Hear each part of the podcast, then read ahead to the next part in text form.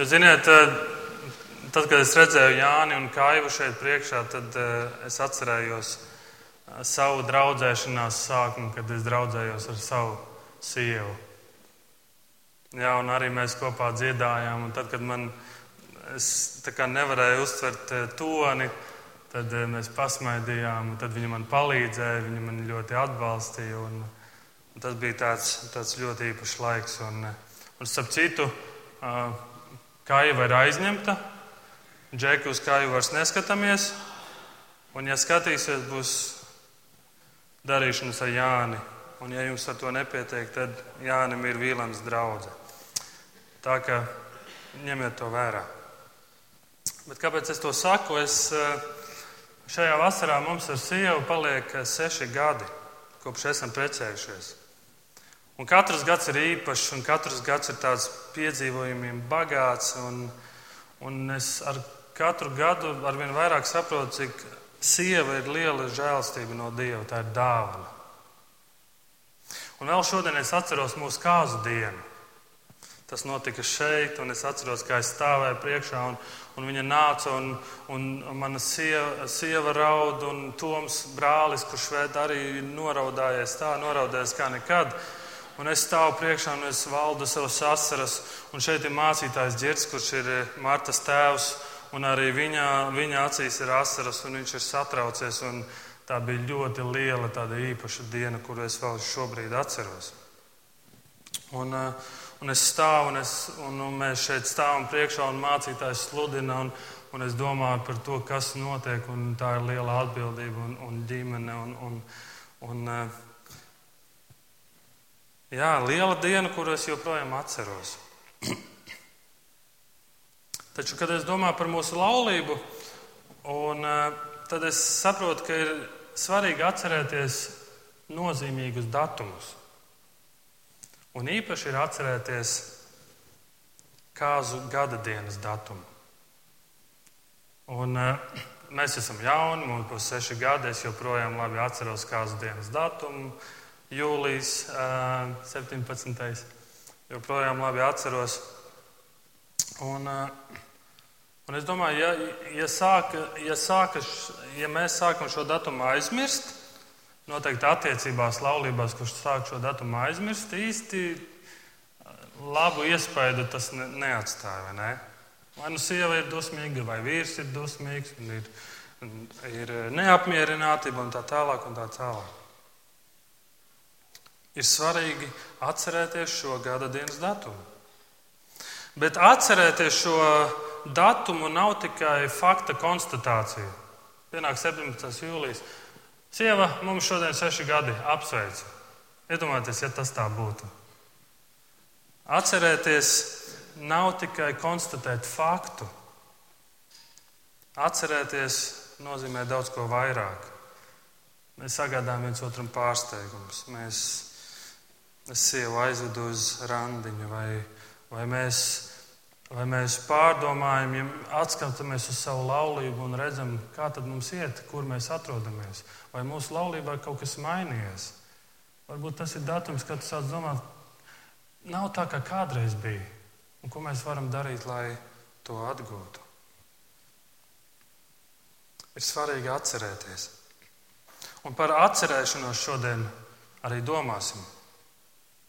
Šajos pantos, mēs, ko mēs lasījām, un šajā notikumā, kur mēs esam, šis notikums parāda uz kaut ko daudz, daudz svarīgāku. Un tas ir noteikti jāatcerās, un ne tikai vienreiz gadā. Jēzus ir kopā ar saviem mācekļiem pie viena galda, īpašs notikums, vēsturisks notikums, mākslinieki joprojām to apglezno zīmē, un ir filmas par šo notikumu, galds un, un gleznas un apcerējumi un tā tālāk. Un tā tālāk. Šodien mēs šo notikumu Latvijā saucam par Svēto vakarēdienu. Starp citu, jūdiem ir ļoti, jūdiem ir ļoti daudz dažādu svētku. Un, un šie svētki ir bagāti ar simboliem. Ļoti bagāti ar simboliem. Bet šis notikums ir īpašs. Šie svētki tiek svinēti jau aptuveni 1500 gadus.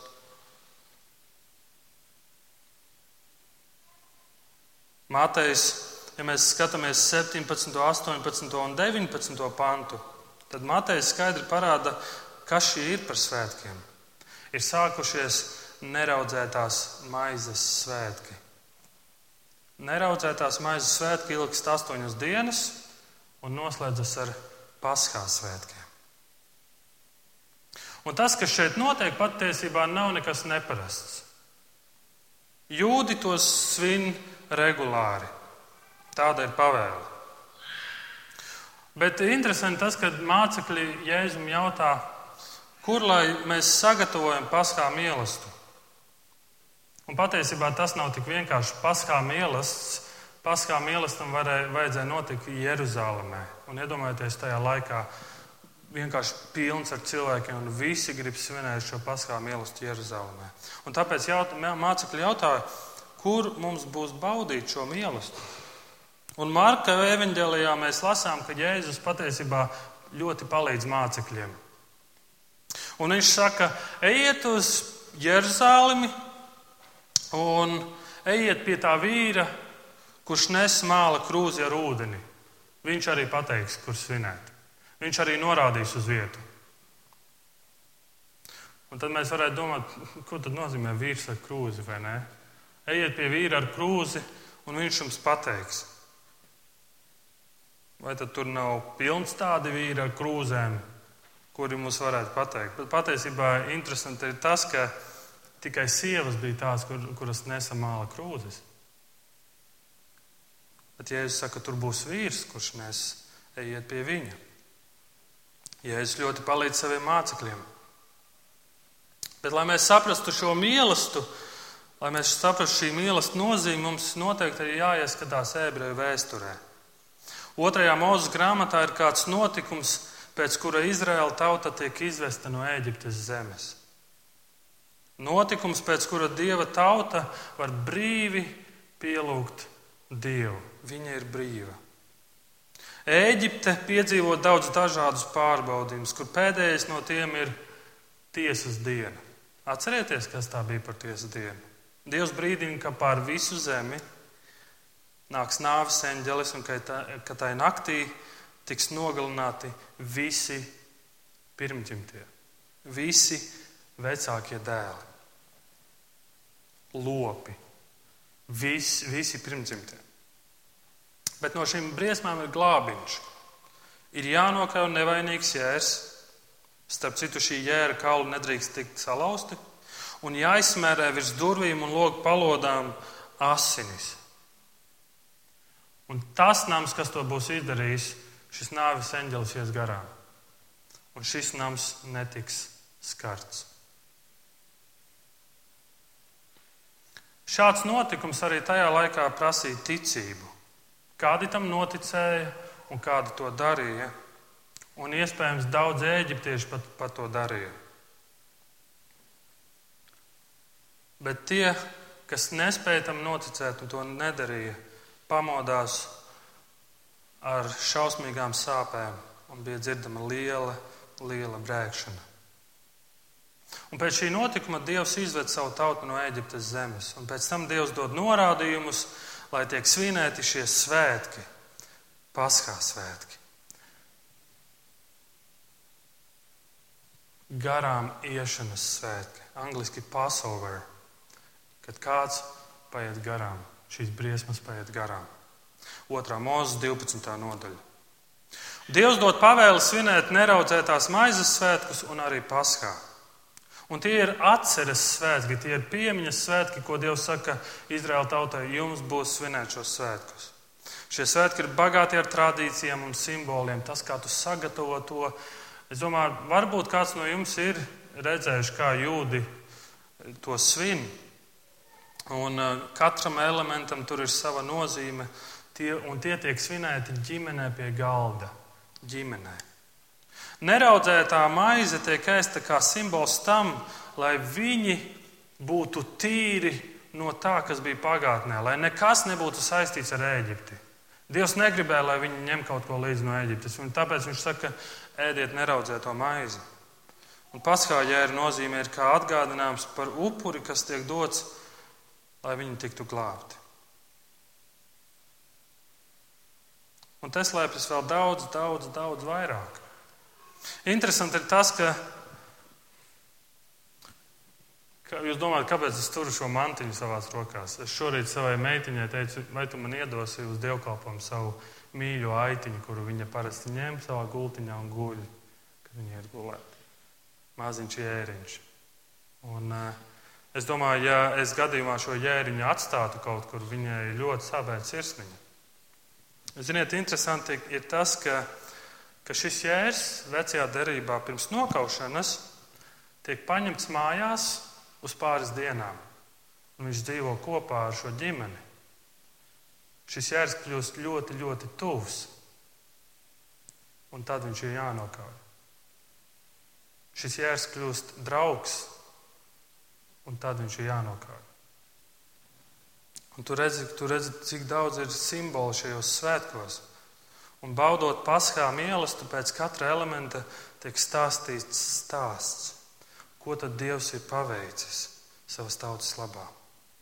Un paskā svētkos, paskā mīlestībā dominē daudz skaitlis četri. četri.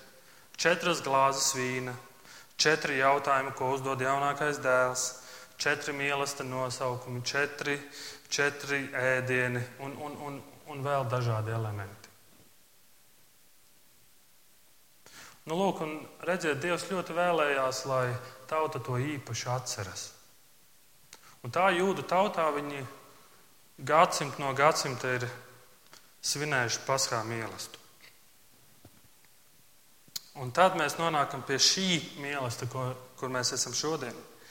Mīlestības laikā Jēzus ņēma maizi, svētīja lauza un deva to saviem mācekļiem, sacīdams: Ņemiet un ēdiet, tā ir mana miesa. Viņš paņēma biķeri, pateicās un deva to viņiem, sacīdams: Dzeriet visi no tā, tās ir manas jaunās derības asinis, kas pār daudziem tiek izlietas grēku piedošanai. Mācekļiem esot kopā ar Jēzu, viņi noteikti redz, ko Jēzus saka. Viņi redz, ko Jēzus dara. Viņi dzird, Jēzus mācību, un viņi pamana, ka Jēzus nav vienkārši cilvēks. Bet vai viņi bija gaidījuši kaut ko tādu, ka tiek svinēts paskā mīlestības? Notiek negaidīts pavērsiens. Jēzus balstoties uz veco tradīciju, iedibina kaut ko jaunu.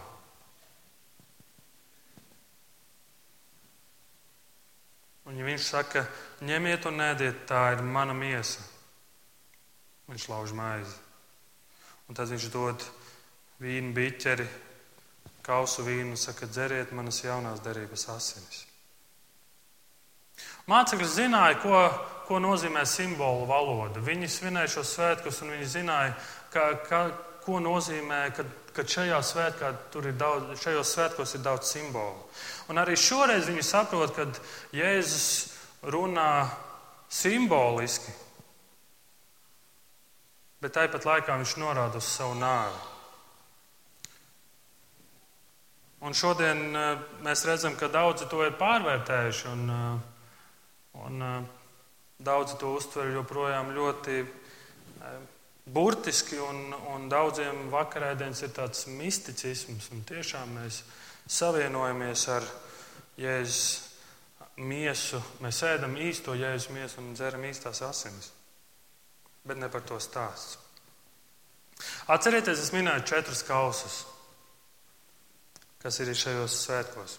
Un šie četri kausi ir no otrās mūža grāmatas sestās nodaļas, un tur ir tādi panti. Otrā mūsu grāmatā, 6. nodaļā, 6. un 7. pants. Tādēļ saka Izraēla dēliem: Es esmu kungs, es izvedīšu jūs no Eģiptes jūga, izglābšu jūs no vergošanas, un es izpirkšu jūs ar izstieptu elkoni un varenu tiesu. Es ņemšu jūs sev par tautu, un es būšu jums par dievu, un jūs zināsiet, ka es esmu kungs, jūsu dievs, kas izvedis jūs no Eģiptes jūga. No šī panta četri vīna kausi. Pirmais ir Pirmais kauss tiek dzerts. Dievs saka, es izvedīšu jūs no Eģiptes. Otrais kauss, es izglābšu jūs no verdzības.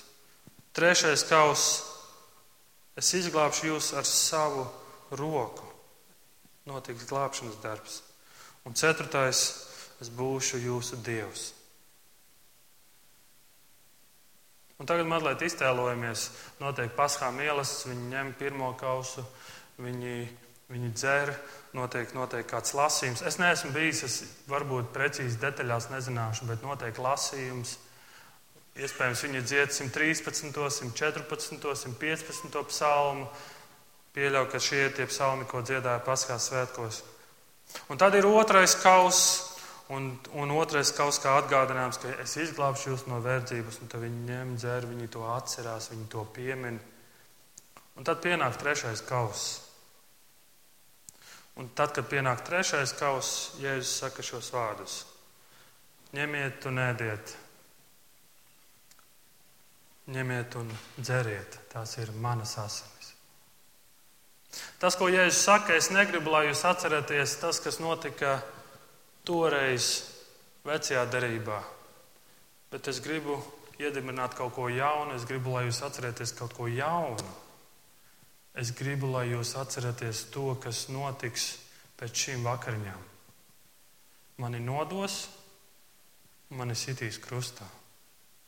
Viņš saka, es esmu šis nevainīgais jērs, kurš bija pie jums, kurš kļuva jūsu draugs un kurš tika nokauts. Šis trešais vīna kauss. Šis ir citādāks.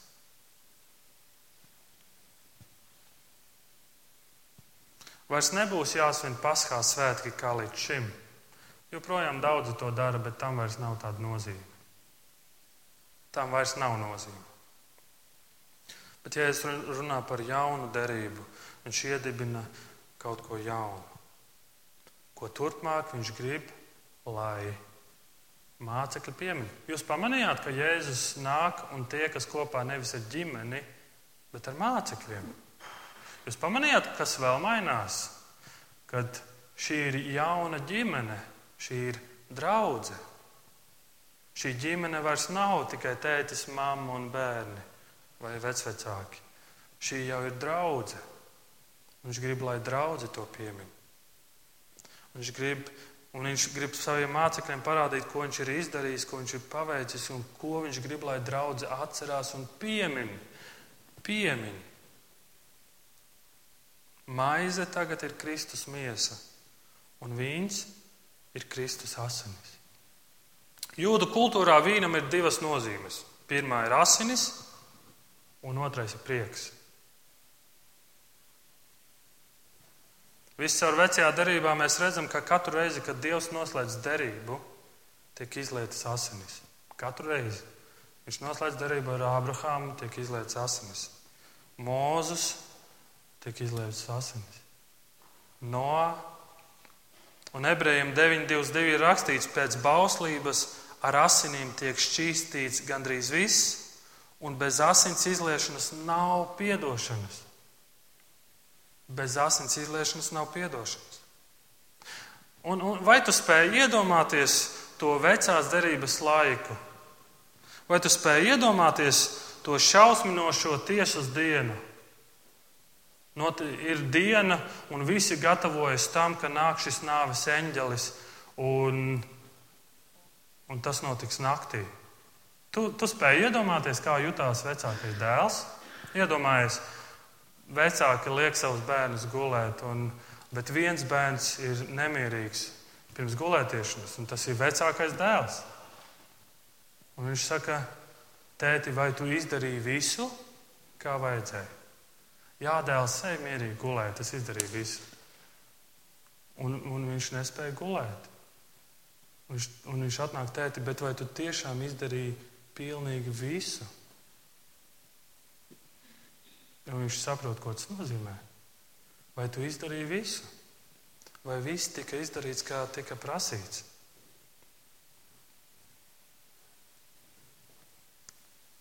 Un iespējams viņi kopā ar dēlu iet un pārbauda vēlreiz, redz, dēls tika prasīts tas un tika izdarīts tas.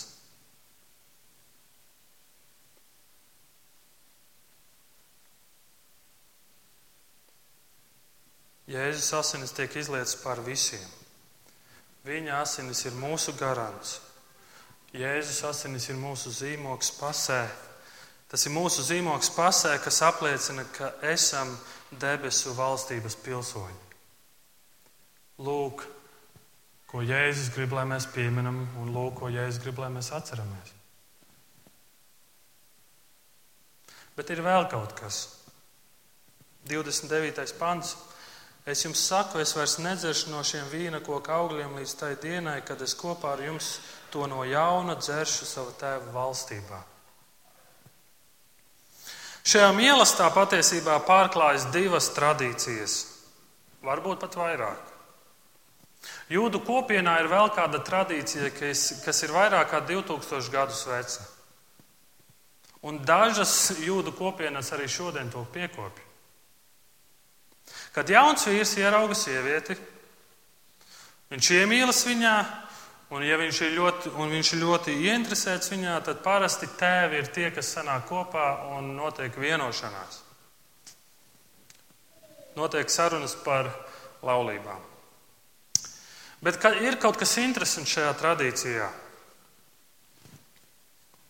Kaut kas interesants, kas savieno šo jauno vīru ar sievu, un tur ir kāds elements. Šis jaunais vīrs nāk pie sievas un viņš atnes kausu vīna un saka savai sievai: Šī ir mana dzīvība, šī ir, šī ir mana būtība, šīs ir manas asinis. Ar to brīdi, kad tu to dzersi, tu kļūsi mana. Ar to brīdi, kad tu izdzer šo vīnu, tu kļūsi mana. Lūk, kāzas. Liekas, Toms un Antra domā, wow, cik cik, efekti, cik lētas kāzas, vai ne? Bet viņš saka, ar to brīdi, kad tu dzersi, tu kļūsi mana. Bet tāpat laikā viņš saka, es atdošu savu dzīvību, es atdošu savu visu par tevi. Tu kļūsi par manu sievu. Un kad sieva paņem šo kausu, un ja viņa izdzer, viņa kļūst šim vīram par sievu. Lieta darīta. Viņa tagad pieder šim vīram. Tas, ko mēs redzam šajā vakarēdienas notikumā, te pārklājas šīs divas nozīmīgās jūtu tradīcijas. Viena no tām ir, ka Jēzus piepilda šo paskā mīlestību, un viņš ir šis nevainīgais jērs. Taču vēl Jēzus jautā saviem mācekļiem saviem sekotājiem, kuri ir bijuši tik ilgi kopā ar viņu. Viņš jautā viņiem izvērtēt ļoti uzmanīgi šo piedāvājumu. Šo piedāvājumu, kas ir laulības piedāvājums. Būt vienotiem ar Kristu, piederēt Kristum. Līgava, kas tiek precēta, uzreiz nepārceļas pie sava jaunā vīra. Kad notiek šis notikums, ja sieva dzer, Viņi kļūst vīrs un sieva. Vīrs dodas atpakaļ pie sava tēva, un tēvs jau zina, kā ir jābūvē māja. Viņš zina, kas ir sievas prasības. Viņš zina, kā, kādai jābūt mājai, lai tur varētu dzīvot sieva, lai tur varētu būt ģimene. Un paiet viens, varbūt divi vai pat trīs gadi, kad viņi ir šķirti viens no otra. Un tikai tad, kad jaunais vīrs ir būvējis māju, tēvs paskatās un vienā brīdī viņš saka, dēls ir darīts, māja ir gatava, ej pakaļ savai sievai. Tā ir jūta tradīcija. Un tad, kad šis vīrs nāk, tad pār kalniem sieva jau redz viņu. Tas ir skaidri redzams. Šajā laikā, kad, sieva, kad viņi ir šķirti, sieva aptuveni mēģina saprast, noteikti, kas ir tas laiks, kad viņš varētu, kad viņš varētu nākt. Un tas, ko sieva dara, viņš, viņa sevi gatavo. Viņa sevi gatavo, lai viņa varētu satikties un, un kaut ko darīt. Tad, kad es minēju, kad vīrs dod kausu sievai, dzer tikai sieva, vīrs nedzer. Vīrs dzer kausu vīna tikai tad, kad viņi atkal ir kopā. Jēzus saka, es vairs nedzeršu no šiem vīna koku augļiem līdz tai dienai, kad es kopā ar jums to no jauna dzeršu savā tēva valstībā. Būs atkal šīs satikšanās, un šī sieva būs prieka pilna, kas sagaida savu vīru, kurš ir sagatavojis māju vietu. Vai tas nav skaists, vai tā nav skaista tradīcija? Es nedomāju tos trīs gadus atšķirībā, bet cik simboliska, cik spēcīgs piemērs tam, ko dara Jēzus. Un kā Jēzus uzlūko savu draugu, savu līgavu.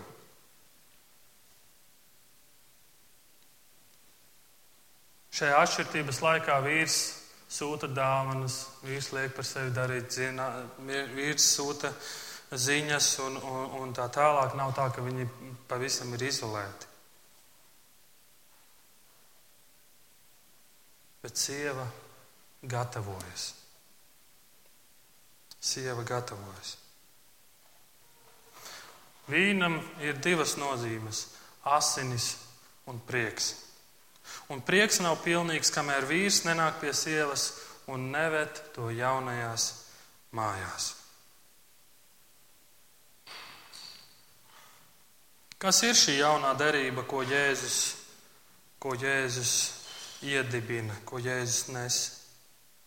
Jeremijas 31. nodaļā rakstīts šādi vārdi: Redzi, nāk dienas, saka kungs, kad es slēgšu jaunu derību ar Izraēlu namu un Jūdas namu Ne tādu darību, ko es slēdzu ar viņu tēviem todien, kad ņēmu tos pie rokas, lai izvestu no Eģiptes zemes.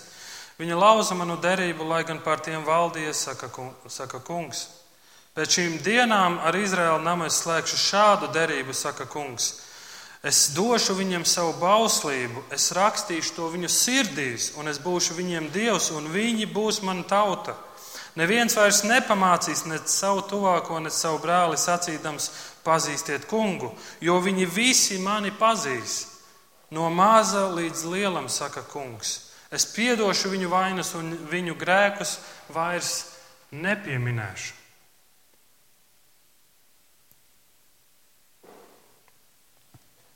Un tad, kad es domāju par šo piemiņas, piemiņas brīdi, ko tad Jēzus grib, lai mēs pieminam, es, grib, es domāju, mums ir jāapzinās, ka mēs kā draugi esam līgava. Un ja mēs esam dzēruši no šī kausa un devuši solījumu, tad vairs nekāda spēlēšanās, nekāda koķetēšana ar, ar pasauli, nekāda koķetēšana ar, ar, ar citiem čaļiem blakus pagalmā.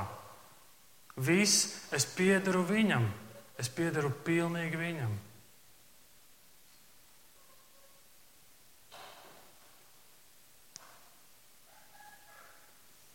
Tāpat laikā Bībele skaidri parāda, ka Dievs, ka Dievs ir tas, kurš noslēdz derību ar mums, nevis mēs ar Dievu.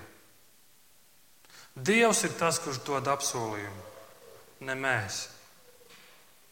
Jo mēs to nespējam piepildīt pēc šī notikuma, pēc šīm vakariņām, un, un, un ir saruna ar Pēteru, un Pēters apgalvo, Jēzu, ne par ko es tevi neatstāšu, un, un, un, un būšu ar tevi, un Jēzu, ne par ko. Un, Jēzu, un Pēters izgāž, ka maigi teikt, ir kā veca sēta. Bet viņš piedzīvo tādu vilšanos, tādas sāpes, un, un viņš pieviļ pašu Kristu. Mēs neesam to pelnījuši. Mēs neesam cienīgi dzert šo biķeri, un Kristus to zina. Tāpēc viņš nāk un saka mums, tev ir vieta pie galda. Un tas nav tevis dēļ, tas ir manis dēļ, tas ir mana upura dēļ. Nāciet, ēdiet un dzeriet. Lieciet uz mani savu cerību, saka Kristus. Ticiet man, turiet mani savos prātos, Pieminiet mani, atcerieties, draugi, katru reizi, kad jūs baudiet, atcerieties, kas ir tas, ko es paveicu, kas, ir, kas tas ir. Un, un pagājušajā svētdienā mēs runājam par Kristus atkal atnākšanu. Ilgojieties pēc tā, runājiet par to, atgādiniet, stāstiet viens otram, pieminiet manu nāvi.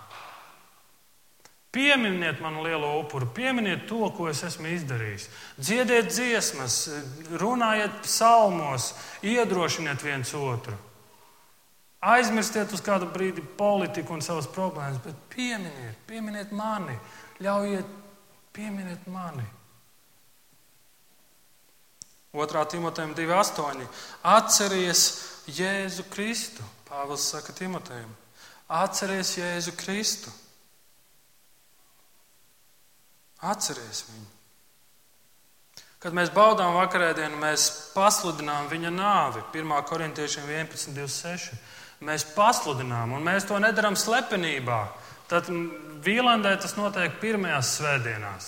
Varbūt kādā draudzē tas notiek biežāk, varbūt kādā tas notiek retāk. Bet, kad mēs to darām, mēs pasludinām viņa nāvi, mēs to nedarām slepenībā. Mēs to neslēpjam no citiem, kas ir šeit, kas nepieder draudzēji kas nepieder Kristus miesai. Mēs to neslēpjam, bet mēs pasludinām, Kristus ir miris par mani. Viņa upuris ir tas, kas mani glāb. Un kas to bauda? To bauda draudzene. Kristus vieno draugu. Un šis piemiņas ēdiens ir arī gaidīšanas brīdis, kad mēs pārbaudām sevi un gaidām līga vaina atkal atnākšanu.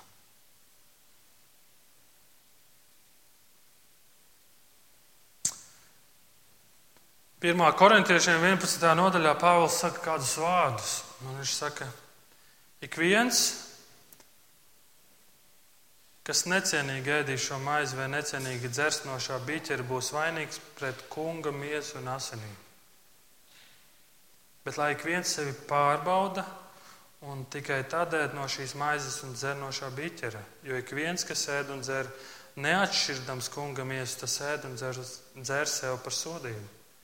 Tādēļ starp jums ir daudz vājnieku un nespēcīgu, un daudz ir miruši. Ja mēs paši sevi tiesātu, mēs netiktu tiesāti.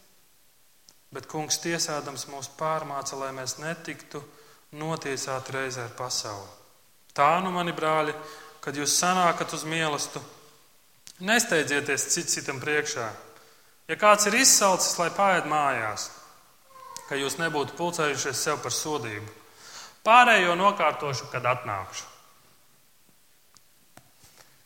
Bet Pāvils šeit saka ļoti nopietnus vārdus, brīdinot, cik nopietni mums jātiec pret to.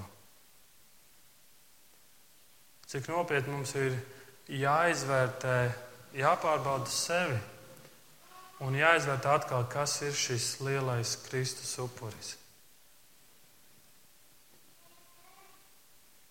Kas ir tas, ko viņš ir paveicis manis dēļ?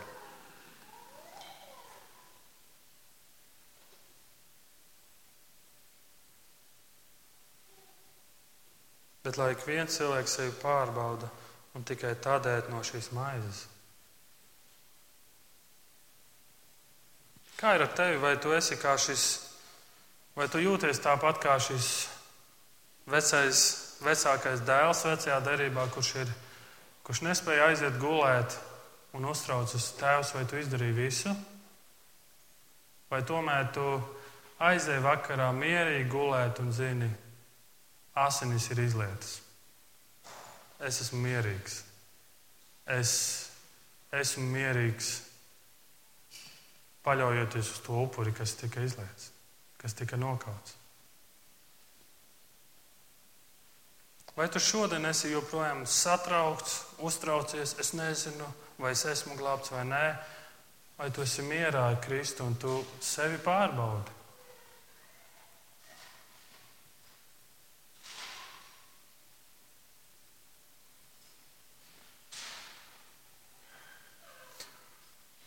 Vai tu esi pateicis paldies? Vai tu esi pateicis Dievam paldies par šo upuri? Vai tu esi nācis pateicībā viņu priekšā un teicis, tas upuris ir neaprakstāms. Un es neesmu cienīgs to saņemt, bet to, to izdarīja manis dēļ. Un vēl viens piemērs, ar šo piemēru arī noslēgšu. Kāds misionārs tiek uzaicināts uz kādu draugu, un viņš skatās, šī draudzene no ārpuses ir tāda varētu teikt, jūgens stilā draudzē. No ārpus ir ļoti smuka. Un viņš iet šajā draudzē ar savu, ar, savu, ar savu draugu, un viņš iet un viņš eh, skatās, ka draudzē visi soli ir izvākti prom, tukši. un ir noklāta tāda melna, melna plēve pār, pār visu grīdu. Diezgan tumšs, ir ekrāni katrā pusē. Un pašā centrā ir mēsla kaudze. Bet nevis tādi tur kartona kastes vai papīrīši un tā tālāk. Virtuves miskastes pašā vidū, un tu ieej un tu jūti smirdi. Varbūt, ja tu mājās atstāji miskasti, neizmest to aizies mājās, tu mazliet no tā sajutīsi, ka smird. Bet viņi iet un smird. Viņi iet iekšā, nekas netiek paskaidrots, neviens netiek stādīts priekšā, kas viņi tādi ir. Un, un cilvēki, kas ir šajā, ienākuši šajā draudzē, viņi nostājas tādā aplī. Viņi nostājas aplī, un tad sākas šī, šī liturģija, tad sākas šis process. Un ir parādās vārdi, kuri atgādina par Kristus upuri, un viņi tos atkārto, viņi dzied kādas dziesmas, un, un, un, un tad ir divi tādi, tādi vadītāji, kuri to visu procesu vada, to liturģiju vada. Un tad vienā brīdī šie, šie divi vadītāji, mācītāji vai diekoni, es nezinu, labi, ka mums ielendē tā neliek darīt. Un tad un viņi kāp iekšā šajā mēslu kaudzē, kamēr viņi ir līdz šejienē, līdz jostas vietai. Viņi iekāp iekšā, un tad no turienes izvelk karto tādā papīra maisiņā vīnu, un tad uh, izvelk no tās kaudzes arī maizi, bet maize ir plastikāta maisiņā. Un tad viņi lauž, viņi dzer, dzer vīnu, viņi lauž maizi. Un tā lieta, ko viņi saka, Kristus ir atnācis uz šo pasauli, kur ir pilna ar mēsliem. Kur ir pilna ar mēsliem. Viņš ir atnācis, lai mūs izglābtu, lai mūs atpestītu. Un vēl viena lieta, ko viņš dara, viņš aicina mūs darīt tieši tāpat. Un tad viņš teica, un tie, kas no jums ir gatavi tam pievienoties un teikt, kā tu sūtīji Kristu, sūti arī mani. Kā tu sūtīji Kristu, sūti arī mani. Un tie, kas ir gatavi, tiem bija jākāp šajā mēsla kaudzē un, un starp citu basām kājām, starp tavām kājām tur, nu jūs varat iedomāties. Iekāp un visi bauda vakarēdienu. Un pirmkārt, viņi atceras, kas ir tas lielais upuris, ko Kristus ir darījis, un kas ir tas, uz ko viņš aicina mūs. Un nevis tikai pateikt, sieviņa, mums šodien ir seši gadi, fakts. Jā, Jēzus nomira bet tas ir atjaunot attiecības ar Kristu, atjaunot, atjaunot savu ticību un teikt, Jā, Kristu, es esmu gatavs sekot tur, kur tu mani vadi. Šis mīlestības ir daudz vairāk kā tikai fakts.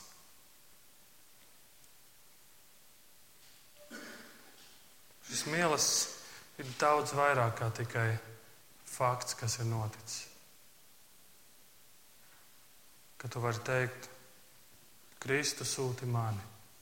Es gatavs tev sekot. Kristu, es piedaru pilnīgi tev. Es piedaru pilnīgi tev.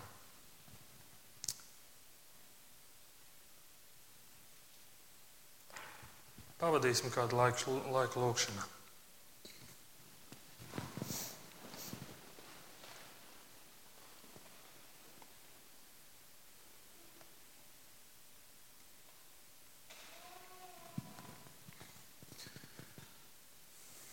Jēzus Kristu, šajā brīdī es gribu tev no sirds pateikties par tavu vārdu. Un es gribu pateikties par to, ka tas ir tik dziļš. Bet pāri visam es Jēzus gribu pateikties par tavu lielo upuri, par tavām sāpēm, par tavām ciešanām. Kaut arī zinot, ka mēs tevi piekrāpsim, ka mēs būsim neusticami ka mums neinteresēs nekas, ko tu saki, ka mēs tevi ignorēsim, tu joprojām mūs mīli. Tāpēc, ka tu noslēdz derību ar mums. Mēs neesam cienīgi, bet tu dari mūs par cienīgiem. Es lūdzu, palīdz mums to, to, tam noticēt ne tikai ar prātiem, bet arī ar sirdīm. Palīdz, ka tas dziļi nogrims mūsos un ka mēs atjaunojam šīs attiecības ar tevi. Un tu redzi, kur mēs atrodamies. Un iespējams, mēs esam pazaudējuši šo pirmo mīlestību. Es lūdzu, atjauno to. Es lūdzu, pārsteidz mūs. Tēvs pārsteidz mūs ar savu lielo vareno žēlstību. Un palīdz, ka mēs esam draugi, kas atgādina tavu lielo upuri. Tas ir visa centrā. Tavs lielais upuris, tavs glābšanas darbs, tas, ko tu esi dari, nācis darīt un paveikt. Atgādini man to. Lai tas ir pats pats svarīgākais.